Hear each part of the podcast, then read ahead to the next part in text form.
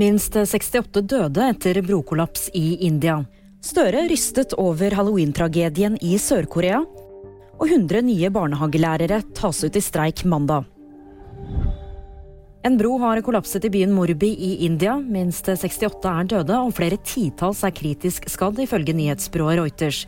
Broen ble nylig gjenåpnet etter renovering, skriver The Times of India.